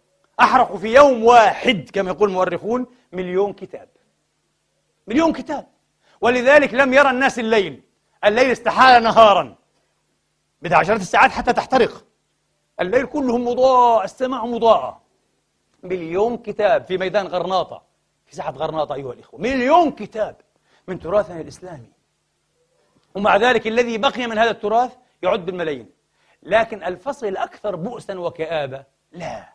ليس فقط الكتب التي أحرقها الصليبيون وهولاكو المغول لا. الكتب التي أحرقناها نحن ودمرناها نحن بسبب الخلافات السياسية والطائفية بين إسماعيلية وبين سنية يعني باطنية الإسماعيلية هذا أه؟ وبين أهل السنة وبين الشيعة الإمامية وغيرهم وبين المعتزلة وبين أهل السنة وبين وبين. وهذه للأسف الشديد بالعشرات من الصعب أن تحصيها. لكن اقرأ التواريخ. هناك تاريخ مجمع هكذا وسهل المنتظم لابن الجوزي. اقرأ معجم الأدباء لياقوت. عشرات الحالات عشرات الحالات. وأحيانا يعطي أرقاما يعطي أرقاما. محمود ابن سبكتكين القائد السني الغزنوي أصله من أفغانستان. أه؟ كان رجلا قويا. أه؟ وفارسا عظيما مشهورا وفاتحا كبيرا معروف. ولكنه كان منغلق التفكير تماما. كان منغلق التفكير. كاد يقضي على أبي الريحان البيروني. كان معه فترة في بلاطه. آه لم يستوعب هذا المد العلمي. المخيف الكاسر عند البيروني فكان يقتله. لكن الله عز وجل نجاه هذا الرجل. هذا الرجل أمر بحرق كتب المخالفين. يقول الزنادقة يسموه الكل زنادقة. فحرقت كتب أهل البدع والأهواء وكتب الشيعة الإمامية الروافض وكتب المعتزلة. حتى المعتزلة زنادقة كمان. إيش علاقة المعتزلة يا أخي؟ موحدون هذا المعتزلة ألفوا كتبا ذبوا فيها عن الألوهية. والنبوة والقرآن أنا أقول لكم بعضها لم يؤلف أحد مثلها لا سني ولا شيعي المعتزلة ألفوها. بشهادة مين؟ كبار علماء السنة. يعني الإمام الذهبي أحيانا يشهد لبعض كتب عبد الجبار الهمداني المعتزلي بأنه لم يصنف مثلها في الدفاع عن الدين. ولا تلاقي. ولا تلاقي واحد يدافع عن القرآن أيها الإخوة وعن النبوة مثل عبد الجبار. اترك كتب الأشعري وكتب كذا عبد الجبار. معتزلي منزه عالم منزه. ما؟ لا تحرق. فحرقت منها إيه؟ المئون والألوف أيها الإخوة. بأمر إيه؟ ابن سبكتكين سبكتكين هذا الغزنوي حين أتى إلى الري ولد الري ورد على الري أمر بحرق دار كتبها وكانت من أعظم دور الكتب. لا ندري عاد المئات من الألوف أو الملايين التي أحرقت لكن الذي ندريه أن ياقوت الحموي ذكر في معجم الأدباء قال اطلعت على فهرستها. الفهرست نسميه الفهرس. الاندكس يعني آه. اطلعت على إيه؟ فهرستها في عشرة مجلدات. الفهرس لحاله فهرس أسماء الكتب عشر مجلدات. كم عدد الكتب؟ دمرها كلها محمود ابن سبكتكين لأنها للمخالفين. صلاح الدين الأيوبي طيب الله ذكره وثراه ورحمة الله عليه رحمة واسعة. لكن للأسف من الوصمات وليس معصوما الرجل له فضل عظيم على الأمة من الوصمات في تاريخه. إحراقه وتدميره وإعدامه لتراث الفاطميين في مصر. لقد عرف عن الخلفاء الفاطميين حبهم الشديد للعلم والفكر. طبعا في أشياء تؤيد مذهبهم. في أشياء علوم وأفكار عامة عقلية وغير عقلية. ومكتباتهم كانت مشهورة جدا جدا كمكتبة إيه؟ أمر الله الفاطمي. ومكتبة المعز. آه. وكلتا المكتبتين أمر صلاح الدين بتدميرهما وكان فيهما أيضا ملايين الكتب. الأولى تاعت المعز يقال فيها مليون وستمائة ألف كتاب. عجيب. أحرقها وغرق شيئا منها في النيل وحمل شيء إيه أو أشياء منها إلى سيناء فتركت في الصحراء تسفو عليها إيه الرياح حتى سميت بعد ذلك بتلال الكتب. سميت في التاريخ الإسلامي تلال الكتب. هذا ما فعله صلاح الدين. في الفتن بين السنة والشيعة وبين السنة والإسماعيلية وبين الإسماعيلية وكذا. كتب كثيرة ذهبت في مختلف البلاد الإسلامية. في حلب كان هناك خزانة اسمها خزانة الصوفية. أيضا بها ألوف كثيرة من الكتب ومن نفائس الكتب الإسلامية. فتنة نشبت بين الشيعة الإمامية وبين أهل السنة في عاشوراء من محرم أيها الإخوة. فنهبت هذه؟ الخزانة لم يبقى بها أو فيها إلا أقل القليل الفتن الطائفية. للأسف. هذه أشياء أيها الإخوة كان يمكن كما قلت لكم أن تتفهم قليلا بشكل نسبي. لماذا؟ في العصور الوسطى أيها الإخوة لم تكن فكرة التسامح قد استوت على سوقها كما هي الآن في القرن العشرين والحادي والعشرين وفي العصور الحديثة. لا لا لا لا. وكان طبيعي يعني آه هناك هناك إيه؟ فكرة امتلاك الحقيقة الكاملة. يمكن. للمعتزلة أن يعتقد أنه يمتلك الحقيقة الكاملة. للشيعي آه للزيدي للسني. يمكن. مش الكل طبعا لكن موجود هذا الشيء. لذلك لدينا فتاوى بتحريم كتب المخالف إعدامها. لكن في شيء آخر حتى لا أضل أو حتى لا أنسى أيها الإخوة. شيء أثار حيرتي الشخصية الشديدة. لماذا يوصي علماء كبار أجلاء نبلاء من علمائنا بحرق كتبهم أو يقومون هم بهذه المهمة الفظيعة؟ يحرقون كتبهم عند الموت من عند آخرها. شيء محير جدا جدا وسيء. بعضه يفهم. يعني في وقعة الحرة حين اجتاحت جيوش يزيد بن معاوية المدينة المنورة يقول هشام ابن عروة ابن الزبير عروة بن الزبير متوفى سنة 91 للهجرة رضوان الله عليه. يقول هشام ابنه أحرق أبي كتبه. كان لديه كتب فقه كما يقول الذهبي فأحرقها. طبعا الجواب واضح. لماذا يحرقها؟ واضح أن هذه الكتب ها الحكمية الفقهية كان فيها ماذا؟ تنظيرات ومقررات علمية ضد ماذا؟ ضد الاستبداد الأموي. وأحاديث وأثار ربما. فطبعا لو وقعوا عليها أعدموا إيه عروة وذرية عروة. فماذا فعل المسكين؟ أحرقها. طبعا. في علوم أضيعت وضيعت. لا تستطيع أن تستظهر بها. معناها علوم شرعية. وهذا عروة بن الزبير. عروة بن الزبير. آه. فأحرقها. يقول هشام ابنه ثم ندم بعد ذلك وكان يقول لو وددت أني فديتها بأهلي وولدي. لكن أحرقتها. هذا مفهوم. لكن أبو العمر ابن العلاء زبان رضوان الله عليه أحد القراء السبعة أحد القراء السبعة. والعالم اللغوي منقطع النظير. معروف أبو عمرو بن العلاء رضوان الله عليه. هذا يقول عنه المؤرخون كانت مكتبته ملء بيته حتى السقف حتى السقف. غرفة كاملة كلها كتب. لما دنت وفاته أحرقها من عند آخرها فلم يدع فيها كتابا. السؤال لماذا؟ ابن الجعابي المعاصر لأبي الحسن الدار قطني وصديقه إمام كبير ومحدث وعلامة. ابن الجعابي نفس الشيء. لما أحس بقرب إيه؟ ترحله بقرب وفاته أيها الإخوة وكان أوصى بحرق مكتبته أوصى ابنه إلا أنه قام هو هذا سنة 355 للهجرة. وكان أبو الحسن الدار قطني في بيته في تلك الليلة. بدأ يعطي كتبه طعمة للنار. أحرقها أيضا من عند آخرها. وكان من ضمنها أيها الإخوة كتب احتوت على مئتي ألف حديث نبوي يرويها هو. ليش؟ ليه؟ في سؤال. شيء غريبة هنا. لماذا تحرق الكتب بما فيها كتب الأحاديث؟ ومئتي ألف حديث. لن أجيب الآن فقط أطرحه للتساؤل.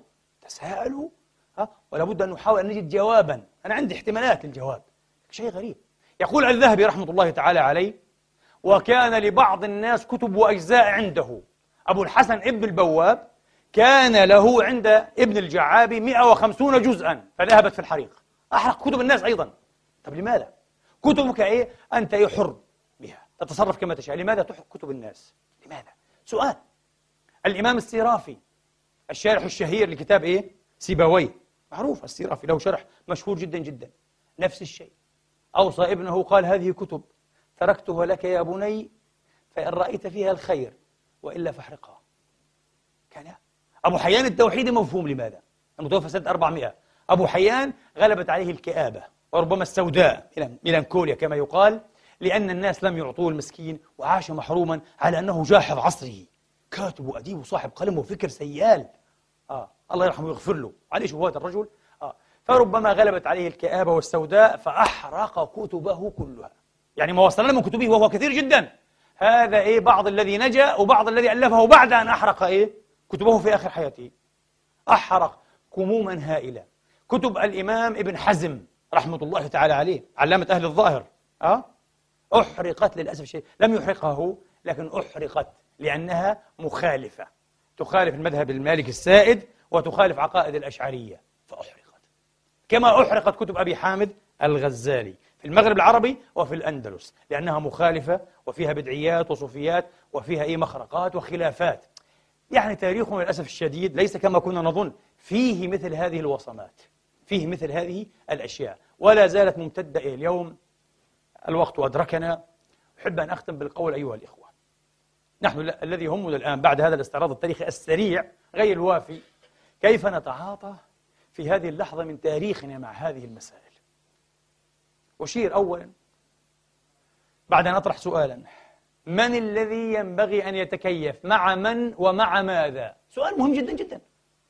خط التقدم لا يقف. انتبهوا أيها الإخوة. واضح جدا. خط التقدم الإنساني لا يقف. ما في رجعة. سواء تقدم بشكل متصاعد أو حتى بشكل لولبي متعرج ترجع لكن لا يقف. انتبهوا. أتحدث عن الوقوف. لا يقف. لا يمكن وقفه. لذلك مئات الفتاوى التي أصدرت واستصدرت ضد تعليم المرأة ضد عمل المرأة ضد كذا وكذا ضد التكنولوجيا الحديثة ضد ضد كلها تساقط أليس كذلك؟ والتقدم استمر. كلام فارغ. مئات الفتاوى تكفير إيه الديمقراطية ومن يدعو إليها. تساقطت. ورأينا الآن رؤوس الذين كانوا يكفرون بالأمس دخلوا إلى اللعبة إيه؟ الديمقراطية. وفي الأخير ستفرض نفسها. هذه اللعبة الديمقراطية تداول سلمي على السلطة. لا نتحدث عن التشريع والكلام الفارغ لا لا لا. التشريع شرع لله. ولكن من هذه الحيثية فرضت نفسها وستفرض نفسها. جميل جدا. الآن في كما قلت متغيرات فكرية وثقافية هائلة. طمائية طميها كما يقال. من الذي ينبغي أن يتكيف مع من ومع ماذا؟ للأسف شطر أو جزء أو طائفة أو فريق أو أفرقاء من علماء الدين يحبون أن يتكيف العصر والزمان. والجيل الشباب والشابات والناس وكل شيء أن يتكيف معهم هم يعني عليكم ألا تستمعوا وألا تقرأوا وألا تدرسوا إلا في الحدود التي إيه؟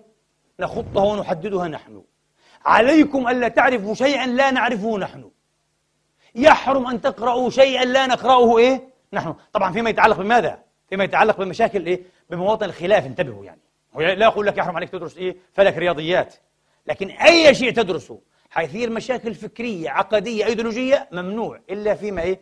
يعني يلعبون دور ما يعرف أو ما يمكن أن نسميه القارئ الأكبر. تعرفون ال Big Brother؟ وفي ال Big Reader. ال Big Reader هذا هذا القارئ إيه؟ الأكبر.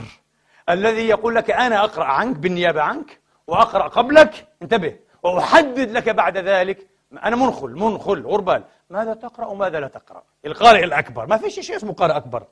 يريدون أن يلعبوا هذا الدور السخيف الانتحاري هذا دور انتحاري. من يلعبه سينتحر حقا. لن ينجح أبدا. آه. لن ينجح أبدا. يحبون أن يتكيف العصر والعالم كله معهم. أقول لهم هذا دور أحمق وانتحاري. لن ينجح. الصحيح أن تكيفوا أنفسكم أنتم إن استطعتم. إذا في عندكم فرصة في العمر وفرصة في العقل والذهنية حاولوا. يعني وأن تدرك شيئا أحسن من أن يفوتك إيه؟ كل شيء. بعض شيء أحسن إيه؟ من لا شيء. كيفوا أنفسكم؟ اقرأوا بعض ما يقرأ الشباب. صحيح؟ حاولوا. يعني الآن في كتاب للأسف من بضع سنين يسير جدا ربما من ثلاث سنوات فقط وترجم العربية. اسمه خدعة الإله. كتاب حقير جدا ومتناقض فلسفيا ومنطقيا وسوف نعرض له في إيه؟ في مسلسل إيش؟ مطرقة الإلحاد. والنسبة إيه؟ للمفعولية طبعا. إضافة مفعولية وليست فاعلية. المطرقة التي يطرق بها الإلحاد يعني إضافة مفعولية. سوف نعرض له. لكن هذا الكتاب للأسف الشديد وجد رواجا نسبيا يعتبر إيه كبيرا في العالم العربي وفي دول خليجية للأسف الشديد. ريتشارد هوكنز خدعة الإله. طيب لا أستطيع أن أمنع قراءته متاحة على الشبكة العنكبوتية بالإنجليزي أه وبالعربي مجانا. لا أستطيع انتهى خلاص ما في نحن لسنا في عصر الرقابة. انتهى عصر إيه الرقابة. أوروبا مارست هذا وفشلت أيها الإخوة. ماذا أفعل؟ إيه؟ أقرأ هذا الكتاب. أقف على مواطن التهافت والضعف فيه أرد عليها. أستنقذ الشباب من الإلحاد أليس كذلك؟ أما أن أحرمه وأكفر من كذا كذا مش حينفع. هذا أسلوب فاشل. لا تستطيع أن تقول العالم كل هذا عمل مثل إيه؟ مونتجومري وات القائد إيه؟ العسكري الشهير. وكان فيه نزعة أيضا دكتاتورية في إحدى المرات أيها الإخوة آه. هذا لم يكن أيامها أي القائد العام. آه. كان خارجا من الصف قليلا. فيبدو أن أحدهم لفت نظره أنك خارج. فأمر الصف كله آه من كلتي جنبتيه. أن يعتدل يعدل نفسه لكي إيش؟ يستوي مع مونتغومري. وات مش معقول يا أخي؟ يعني أنت واحد ارجع وانتهينا لا أبقى في مكاني وعلى اليمين كله بتحرك وعلى الشمال بصير بعدين الصف مستويا. هؤلاء يفكرون بهذه العقلية. عليكم جميعا أن تتكيفوا معي. لا يا حبيبي. لا أتكيف معك. حتى ثقافتك ما عادت تغنيني ولا ترضيني ولا تكفيني. أليس كذلك؟ أنا أحب أن أذوق طعوما أخرى نكهات أخرى للثقافة والفكر. أحب أن أقرأ شاب متعلم مثلا شابة متعلمة. لماذا؟ كيف نفسك أنت معهم؟ لو فعلنا هذا سنكون أقرب إلى خطة الإصلاح أيها الإخوة وإلى روح العصر وإلى خط التقدم الذي لا يقف ولا يمكن وقفه. أقول قولي هذا وأستغفر الله لي ولكم.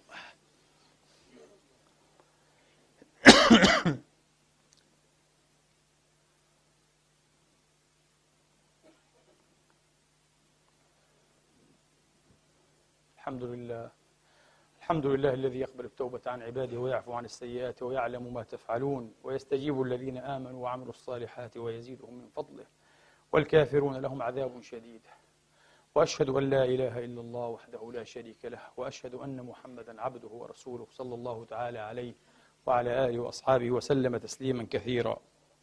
أما بعد إخواني وأخواتي تأمل المسلمين الأولين في كتاب الله تبارك وتعالى ولحظهم والتفاتهم إلى كيفية تعاطيه مع المخالفين المليين أيها الإخوة وغير المليين هو الذي ألهمهم أن يؤسسوا علما أسسوه لأول مرة في تاريخ الدنيا علم مقارنة الأديان.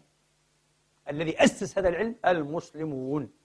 وعجيب على أنهم كتبوا فيه الدراسات الجنينية الأولى التي تبوح أو تشي بنوع من النضج اللافت جدا للنظر ككتب. الشهرستاني مثلا رحمة الله عليه وبالذات ابن حزم في الفصل. عجيب. هذه كتب متقدمة أيها الإخوة. هذه الكتب إيه؟ كلها قبل إيه؟ عصر الانحطاط. القرن الخامس فما دون. لكن كيف أخذت هذا الشكل قريب من الكمال؟ والدقة في معرفة إيه مقالات المخالفين وكتب هؤلاء ومصادرهم وأسسهم. شيء غريب. كل هذا إيه بالتأمل في كتاب الله. لكن تجد المسلم اليوم في عصور الانحطاط الأخيرة هذه لا يعرف هذه الحقيقة أو لا يحب أن إيه؟ أن يؤولها أن يقرأها قراءة صحيحة ثم فقط هو يكتفي بأن النبي غضب غضبا شديدا لما رأى بيد عمر صحائف من التوراة وقال مقولته إيه؟ المعروف على أن هذا الحديث ليس صحيحا كما قال الحافظ وذكرت هذا مرة في خطبة سابقة قبل بضع سنين أيها الإخوة هذا الحديث مروي من ثمانية طرق قال الحافظ ابن حجر لا يصح منها طريق مشهور جدا عند الناس أمتهوكون فيها يا ابن الخطاب؟ كيف أصدق هذا الحديث؟ كيف أصحح هذا الحديث؟ والله يقول فق إيه؟ فاسأل الذين يقرؤون الكتاب من قبلك. الله بيقول لي روح اسألهم وشوف. الله بيقول تبارك وتعالى إن هذا لفي الصحف الأولى صحف إبراهيم وموسى. الله بيقول وإنه لفي زبر الأولين. الله بيقول قل, قل فأتوا بكتاب من عند الله هو أهدى منهما. أتبعه إن كنتم صادقين. يعني التوراة إنا أنزلنا التوراة فيها هدى ونور يحكم بها النبي. كيف أنا أصدق بالقرآن وأصدق بهذا الحديث التالف الذي أبى بعضهم إلا أن يصححه بتعدد طرقه الضعيفة؟ وتعدد الطرق ليس دائما ضمانة لصحة إيه الحديث بل كما قال الحافظ العلائي رحمة الله تعالى عليه تعدد الطرق أحيانا للضعيف لا يزيده إلا وهاء وضعفا. يؤكد أنه ضعيف. ما فيش أي بصيص من النور أنه إيه؟ أنه قيل هذا الحديث أيها الإخوة. للأسف هذا الذي نستحضره. إذا أردنا أن نقمع المخالفين المتشككين المشتبهين الملتبسين أيها الإخوة المتحيرين طلاب العلم المتسائلين لا نستحضر إلا قصة سيدنا عمر مع صبيغ ابن عسل هذا الحنظلي. لما جاء يسأل قال له آه أنت مين؟ قال له أنا صبيغ. قال له أنا عبد الله عمر. ومعاه عرجون عرجون نخل. وظل إيه؟ يهوي به على أم رأسه حتى أدماه. والرجل إيه؟ يصيح ويستغيث حسبي حسبي والله لقد ذهب ما بي. نذكرها في نوع من الانتشاء السلطوي. هكذا يؤدب أي إنسان يتساءل يثير شبهة يسأل عن المختلف. ما هذا؟ النبي لم يفعل هذا. القرآن لم يفعل هذا. هذا لو صح عن عمر أقول لكم لا حجة فيه. عمر ليس مشرعا رضوان الله عن عمر. ليس مشرعا. هنا أخطأ ولم يصب. النبي سئل في مسائل كثيرة وأجاب بكل لطف. النبي أتاه شاب يستأذنه في الزنا. لم يقل له أنت قليل أدب وأن أبدا أبدا أبدا بكل لطف بكل كذا علمه أيها الإخوة وأرشده وأزال حيرته أه؟ وحمايته. هذا المطلوب. لكن أن نقضي على علامات الاستفهام على السؤال على كذا كذا بقصص وآثار عن هذا وعن ذاك لا يجوز يا إخواني. الأمة هذه أمة الآن أمية تقريبا في شطر عظيم منها. لا تحتاج إلى مزيد من الأمية والله العظيم ولا مزيد من الانغلاق ولا مزيد من من إيه؟ الجمود. أقول لكم هذه الأمة ودينها في خطر إذا أصررنا على أن نبقى نتعاطى مع هذه المسائل بنفس الروحية والكيفية في خطر في خطر أنا أقول لكم آه. وبكلمة قلتها لبعض إخواني من السعوديين قلت لهم يا إخواني أنا أرى هذا الشاب حمزة كشغري الله يهديه إن شاء الله ويعود به إلى إيه؟ إلى فاعل الإسلام لماذا لا نقرأ هذه الكلمات والصيحات المنفلتة التي قالها على أنها كفر بنمط معين من التدين أكثر أن تكون كفرا بالله ورسوله. هكذا ممكن أن تحلل نفسيا. الرجل أه كأنه يقول عبرها كفرت بكم. لكن ما تقوله بحروفها أنا شاك في الله وفي رسوله. لكن هو يحب أن يعبر إيه؟ أن يمرر رسالة. كفرت بكم. رسالة اعتراض. علينا أن نتساءل لماذا كفر إيه؟ بهذا النمط من التدين. لماذا كفر بهذا النمط من العلم والتعليم؟ وخلاص تمضي المسألة إن شاء الله نعالجه. ويعود إلى إيه؟ يفاعل الإسلام بإذن الله تبارك وتعالى. اللهم إنا نسألك الهدى والتقى والعفاف والغنى. علمنا ما ينفعنا وانفعنا بما علمتنا وزدنا علما. اللهم أصلحنا وأصلح بنا. واهدنا واهد بنا. واجعلنا مفاتيح للخير مغاليق للشر. ربنا لا تزغ قلوبنا بعد إذ هديتنا. وهب لنا من لدنك رحمة. إنك أنت الوهاب. عباد الله إن الله يأمر بالعدل والإحسان وإيتاء ذي القربى. وينهى عن الفحشاء والمنكر والبغي. يعظكم لعلكم تذكرون. وأقم بسم الله الرحمن الرحيم. الحمد لله رب العالمين. الرحمن الرحيم. مالك يوم الدين. إياك نعبد وإياك نستعين. اهدنا الصراط المستقيم. صراط الذين أنعمت عليهم غير المغضوب عليهم ولا الضالين.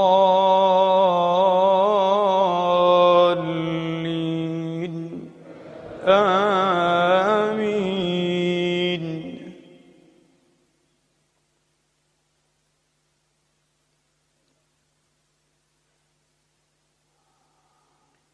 بسم الله الرحمن الرحيم. سبح اسم ربك الأعلى.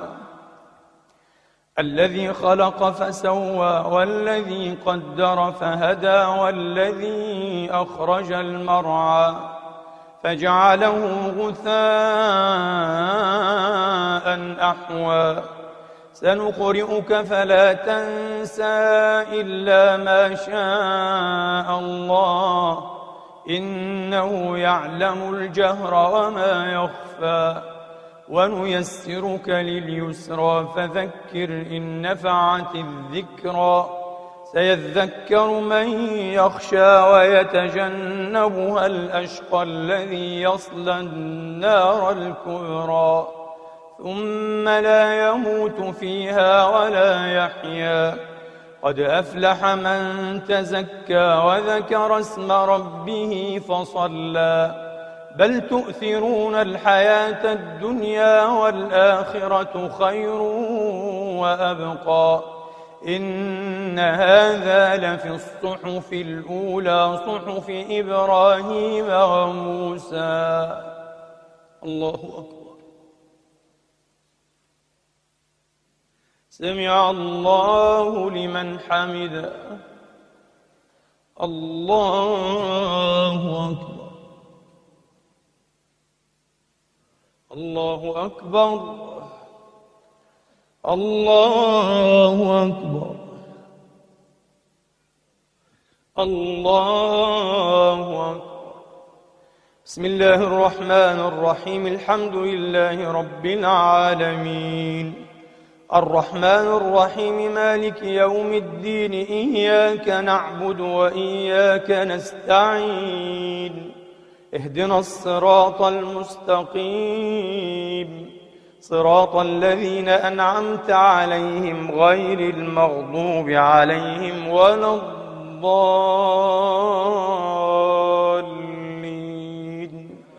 آمين.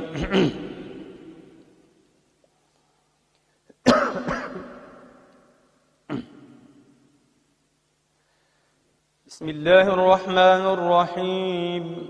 هل أتاك حديث الغاشية؟ وجوه يومئذ خاشعة عاملة ناصبة. تصلى نارا حامية تسقى من عين آنية ليس لهم طعام إلا من ضريع. لا يسمن ولا يغني من جوع. وجوه يومئذ ناعمة لسعيها راضية في جنة عالية لا تسمع فيها لاغية. فيها عين جارية فيها سرر مرفوعة وأكواب موضوعة. ونمارق مصفوفة وزرابي مبثوثة. أفلا ينظرون إلى الإبل كيف خلقت وإلى السماء كيف رفعت وإلى الجبال كيف نصبت وإلى الأرض كيف سطحت. فذكر فذكر إنما أنت مذكر. لست عليهم بمسيطر إلا من تولى وكفر. فيعذبه الله العذاب الأكبر. إن إلينا إيابهم. ثم إن علينا حسابهم. الله أكبر. سمع الله لمن حمده الله أكبر. الله أكبر. الله أكبر. الله أكبر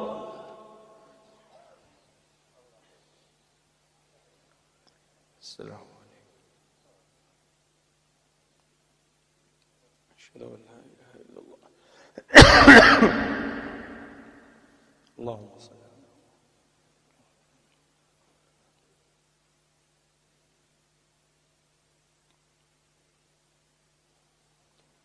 السلام عليكم ورحمة الله. السلام